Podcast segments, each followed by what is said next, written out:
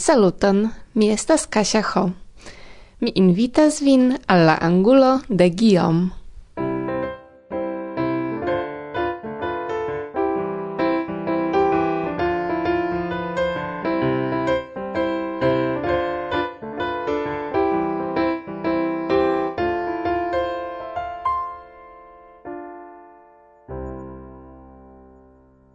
Mi verkis kanzonon pri tiu propono de sen genera tria persona pronomo ri char mi audis pri tiu propono de iu esperantisto mi memoras estis dum jes renkontiĝo kai mi vere vere shatis tiun eblecon paroli lingvon en kiu oni simple ne indicas la socian genron de la homoi. La ideo estis presentita tiel al mi, kai mi ciam consideris gin tiel, che tiu propono de la pronomo ri celas sen generigi la lingvon. Gi estas kontraŭ fundamenta, kai mi bedauras tion, sed mi vere shatas la ideon, mi ne vidas ĝin kiel lingva ŝanĝo, sed profunde socia ŝanĝo kiu laŭ mi ĉiu okaze okazos en la tuta mondo che oni malpli kaj malpli zorgos pri la genroj de la homoj kaj ne plu sentos la neceson indiki ilin kiam ni parolas. Do en mia denaska lingvo estas tre tre malfacile fari tiun modifon kiu ebligus ne indiki genron de homoi char tiui indicoi estas enradicigitai en la strukturo de la lingvo kvazau kai do mi verkis tiun canzonon por diri kial tiu ideo tiom placas al mi, kiam ni crescas en tiu socio en kiu genroi ancora estas tiom gravai, iel antau la nascigio de iu homo, kiam oni jam conas la sexon de la bebo, oni jam orientigas la personetson de tiu venonta homo. Kai mi vidas en tio malpli da liberezzo estis kai mi pensas che se oni decidas pri fai fition do simple oni pli faciligas tiun tre malfacilan taskon esti simem en la vivo. Kai poste mi miris cefe surprizigis tre surprizigis kai iom malgiois kiam mi rimarkis ke oni donis al tiu pronomo ri alian utilezon ol tiu kiun mi perceptis en ĝi. Tio estas ke oni kvazaŭ kreas ĝin kiel la tria persona pronomo. Estas homoj kiuj deziras ke ri kun ekzistu samtempe kiel li kaj ŝi do ektiel estas tri pronomoj li ŝi kaj ri kaj estas homoj kiuj proponas vi elektu vian pronomon. Ĉu vi konsideras vin kiel li ĉu kiel ŝi ĉu kiel ri? Kaj mi bezonas ke oni klarigu al mi la senson de tio ĉar mi volis per tiu pronomo iel simpligi eh, la mondon. Tio estas che oni simple malaperigu li kai shi kai oni uzu simple tiun uh, ri pronomon. Anstataŭ tio oni electas che homo povu indiki sian eh, uh, icetson, sian inetson au sian neutraletson Do, la texto temas pri la samsexemo au mal samsexemo Mi vidas gin kiel flanca gaino, flanca plibonigo uh, de la vivo de homo, ciam oni decidas pri faifi pri la genroi, sekve ne plu existos tiui problemoi pri toleremo au mal toleremo, uh, eh, tiui dilemoi ne plu existos, estas, estas la unu el la rectai consequenzoi de riismo. Riismo estas compreneble ne nur lingva afero, antawol decidi uzi la pronomon ri, oni devas decidi, kai tio estas tre malfacila, ne plu consideri homoin kiel en tiu du categorioi. Esas vere interesse kio okazas kiam post plurai semainoi oni parolas riisme, oni ne plu indicas la genron de la homoi pri kiuj oni parolas, kai kio mi, mi jam vidis tion che iam mi parolis riisme al amico, la unua demando kiun tiu faris al mi esis, ĉu vi parolas al mi pri iĉo aŭ pri ino? Mi respondis, sed nun mi bedaŭras ke mi respondis, mi devintus demandi, kial tio gravas? Kial tio gravas? Kaj mi pensas ke vere tio estas la interesa afero, kial vi volas scii tion? Ĉu nur pro kutimo che oni ciam indicas tion, ciam oni parolas. Kial vi ne demandas pri la agio de la homo pri kiu mi parolas? Kial vi ne demandas pri la haut coloro? Cotopo. Tion mi ancora ne indicis, sed la genron kial vi demandas? Jen, esas vere interesa sperto, kiun mi recomendas al ciui. Bonvolu ausculti nun da canzonon Ri liberas. Thank you.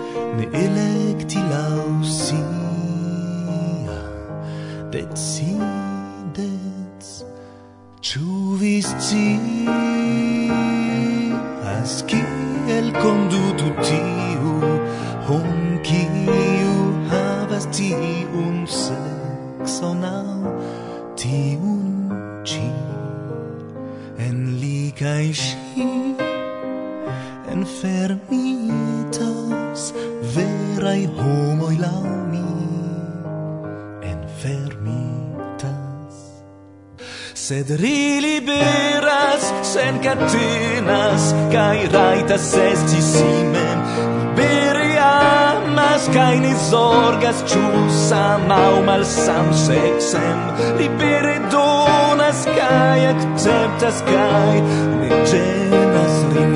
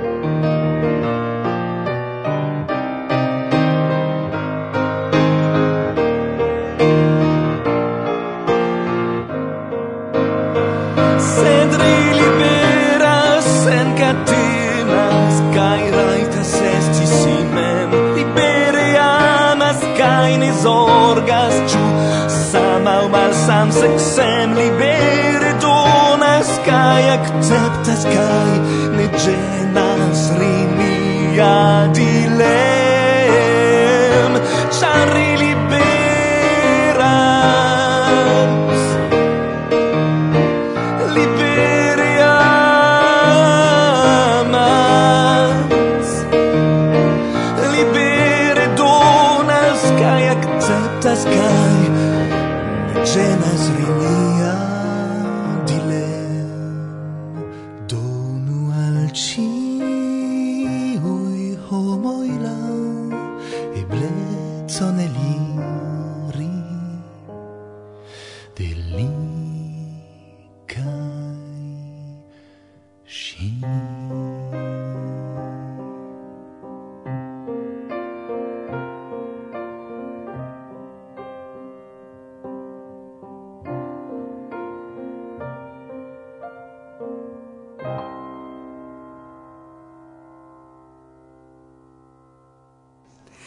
Varsovia vento, bla bla bla.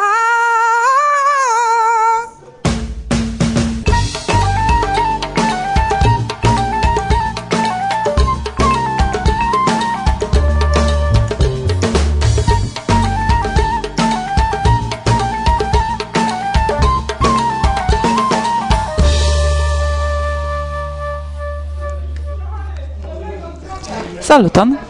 Saluton. Bonvolu prezento vin. Mi estas Povilas Jegorovas, mi venis de, de Litovio, de urbo Kaunas. Mi estas prezidanto de Litova Esperanto Asocio. En eh, ĉijara Arkones en la 34 vi havis prelegon pri bet, do vi parolis pri la pasintaj kaj pri tiu kiu okazos. Ĉu ni povas komenci de kiam okazis la unua kaj kiel ili evoluis?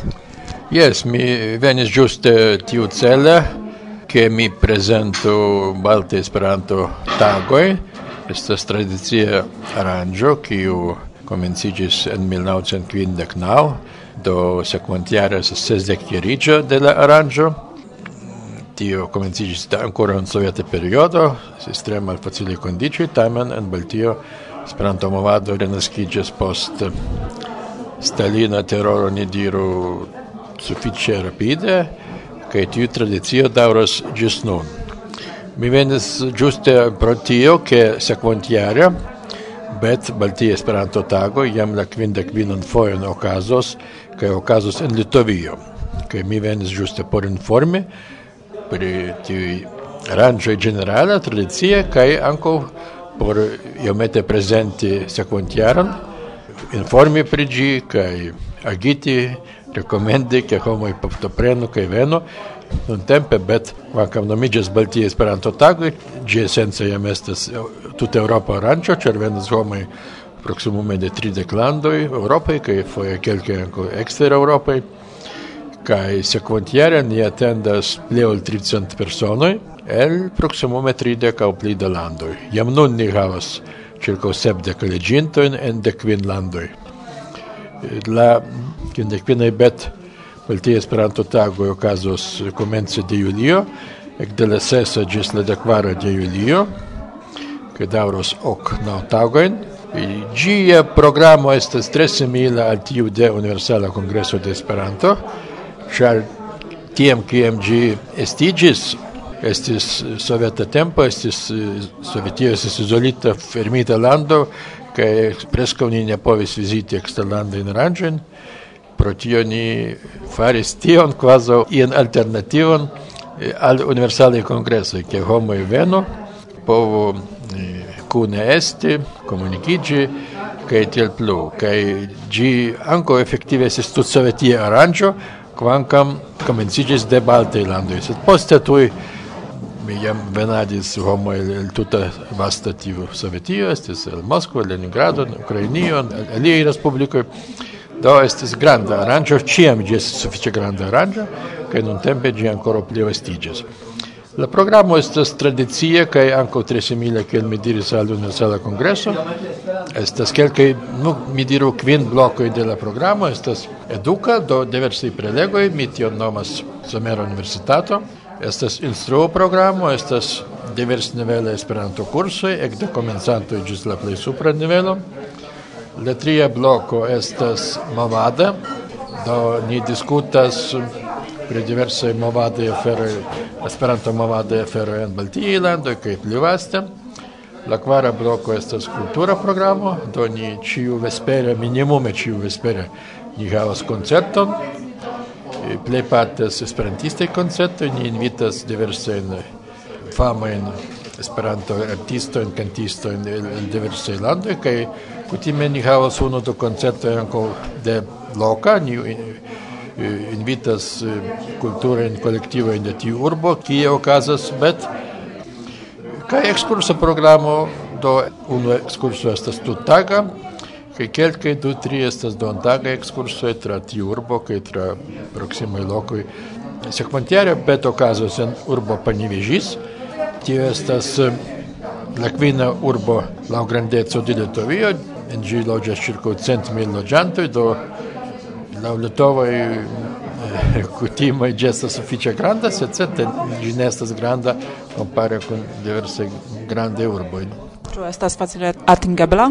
Jes, ĝi estas atingebla de ĉefurbo Vilnius aŭ de Kaunas, ĉefe buse, ĉar trajnoj ne ekzistas kaj Dilenko tie ne flugas, sed eblas veturi buse aŭ automobile, sed buso estas tre ofte de Vilnius aŭ de Kaunas ĉiun duon horon veturas, to ne estas problemo atingi iom pli unu horon dauras tiu vojaĝo de Vilnius ekzemple al Panevėžys kaj vi estas surloke.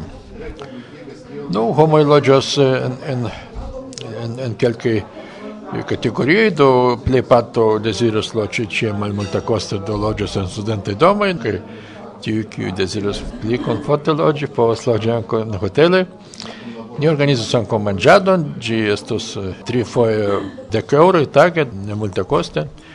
no eblos manĝi nur tagmanĝi do tiam estus kvar eŭroj Ĉu vi volas eh, iun salti? Unue mi salutas eh, polajn esperantistojn, mi salutas tiun ĉi aranĝon Arkones, kiu estas ankaŭ vere laŭ mia opinio, mi eble ne estas eh, multe kompetenta, sed laŭ mia opinio estas la plej bona esperantista aranĝo en Pollando. Mi bone konis la unuan organizanton Pavel Janovčik Dankorov de de frua soveta tempo, bedaurinde kinijam negavas lin, li forpasis. Do estas tiel, sed la aranĝo daŭras pasas kaj mi esperas ke ĝi vivos ankaŭ plu. Dankon pro la intervjuo. Dankon, dankon al vi.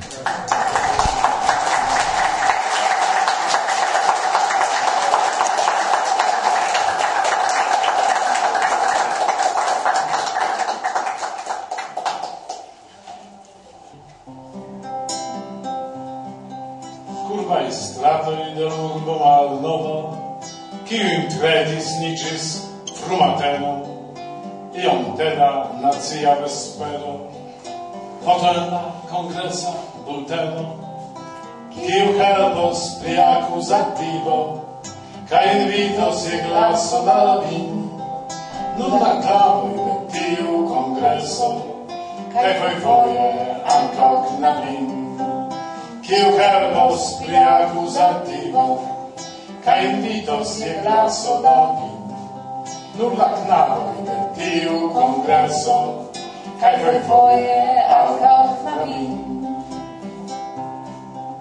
Japanino, hungaro kaj polo, judo, Austro, ĉeta plorando, kune cantis popolan canton plej verŝajne el Nord-Finlando, kiu ĵuros la konfeson, kiu certe konsolos vin, nur la knaboj tiu congresso, cae foie ancau knamin, kiu ĵuros la am konfeson, kiu certe konsolos min. Nur la knaboj de tiu congresso, kongreso, kaj fojfoje ankaŭ knabin. Plenkreskita de ĉiuj lernejoj, vi havigis docent pri existo, au magistro pri natur sciencoi, ec vola pucisto, senza venas dangero neceso, sesso, telefonas vierma proxim, alla knaboi de tiu congresso, cae foie alla knabin, senza venas dangero nel sesso, telefonas vierma proxim, alla knaboi tiu kongreso kaj fojfoje al la knabino. Kia estis ĉi tiu kongreso? Urboj miksas sin la memoro. Budapeŝto, Parizo, Krakovo, ĉiuj same proksimaj al coro. Kiu certe vin ne forgesos, kaj keltenos malpravdaĵin. Nun la avo retejo kongresu. Kaj fojfoje ankaŭ amin. Kiu certe vin ne forgesos, kaj helpemos morgaŭ landi. Nun la avo retejo kongresu. Kaj fojfoje ankaŭ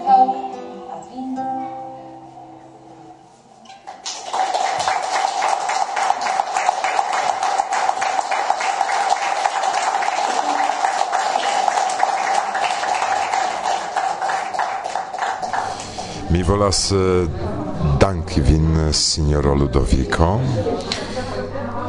la verda banano, kai kelkaj aliaj ideoj kiel pli kolorigi kulturon esperantistan generale. Nigra serio da libroj.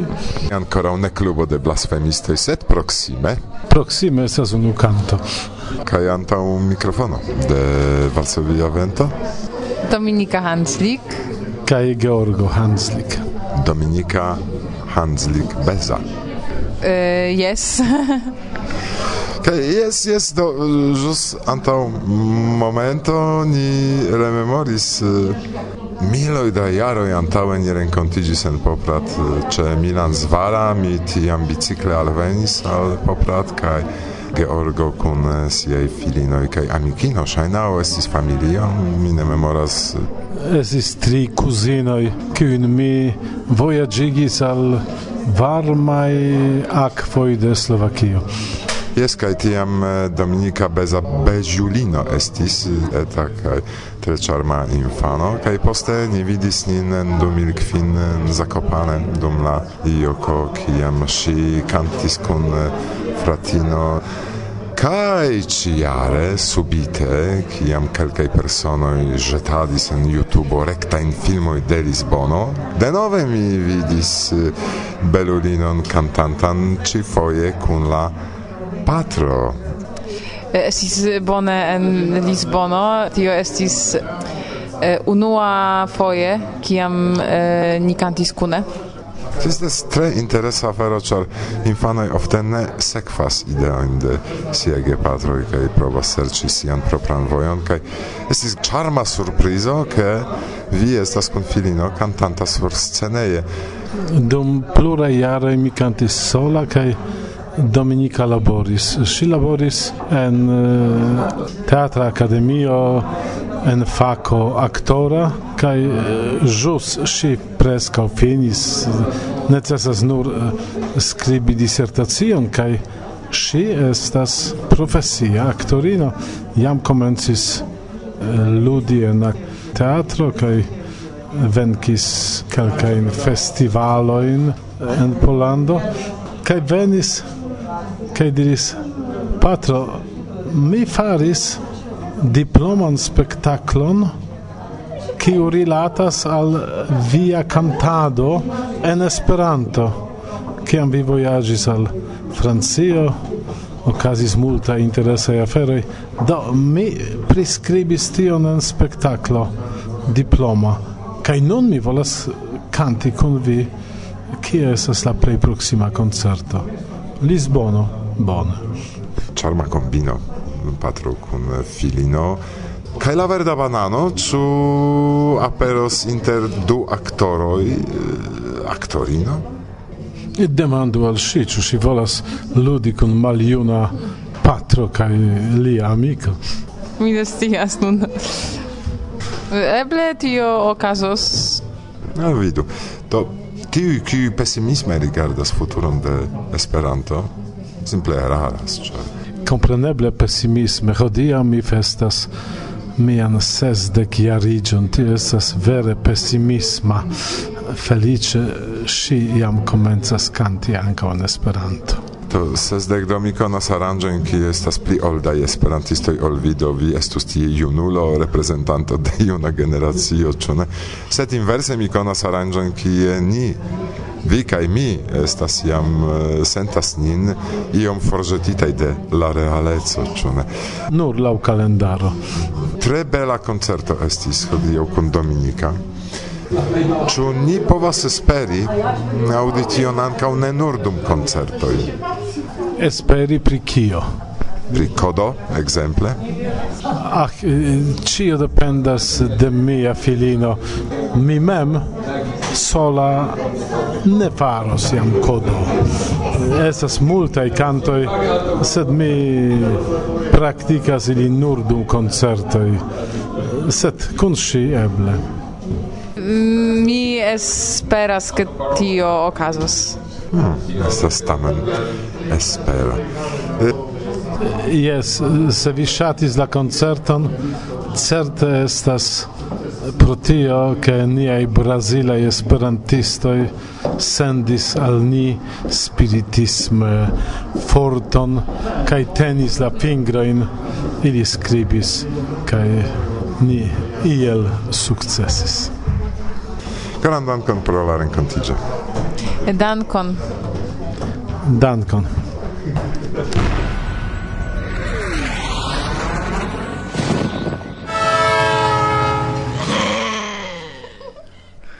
Kai tio estas cio kion ni preparis al vi. En la venonta el sendo rencontigios ni kun Floreal Martorell, kiu rakontos al vi pri tragia historio de rifugintoj el la fascisma Hispanio al Francio. Inter kiuj estis ankaŭ gepatroj de Flo. Yes. Krome, antaŭ mikrofono de Varsovia Vento, aperos Roman Dobrzyński kiu promesis iom rakonti pri Ludovico Zamenhof en Varsovio. Kaj ne nur, kompreneble. Ne nur. Krom Istvan Ert, Guillaume kaj Nikolao Dols aperos compreneble angule ankaŭ Miguel Fernandez, Jorge Camacho kaj Ricardo Cash. Auscultos ni ankaŭ microfonan rencontigion kun por ekscii kun kiu invitas vin alla al la sekva. Do? Do el nia provizora studio de Varsovia Vento adiaŭas vin Martusia kaj Irek.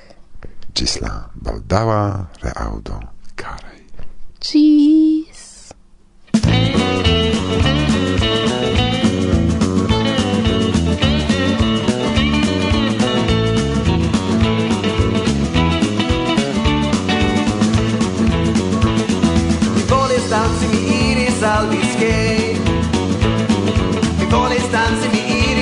estis gay. La estro estis da un Viro cum barbego sur la mur Viro cum barbego sur la mur cie ai bella knabin, stranga doktrin. Nenium da vin, ke ili tedis min Ruĝaj uloj meditas en kaj aiulo e vendita sei caro Se fermi a vivo tu restas lena e blu Mi volis mangi mi iris al pregie Mi volis mangi mi iris al pregie La cefa gasto estas ursa u.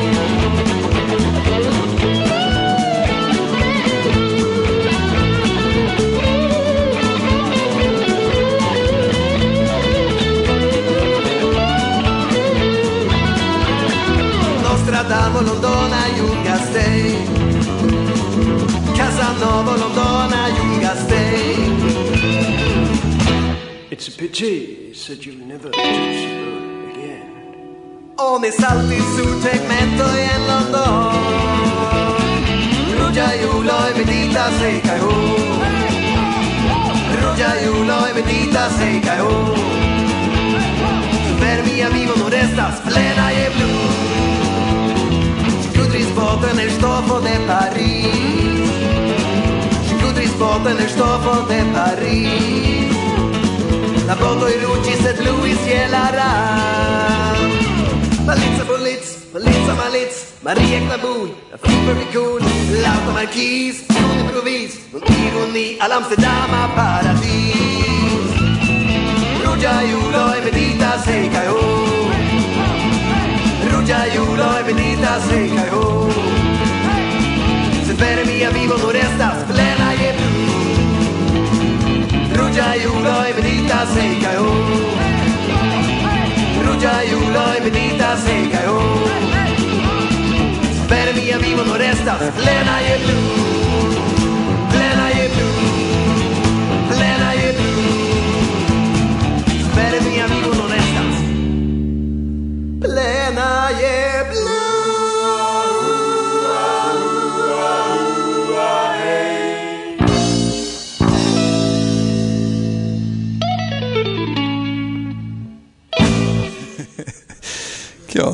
Wasservio Vento. Bla bla bla.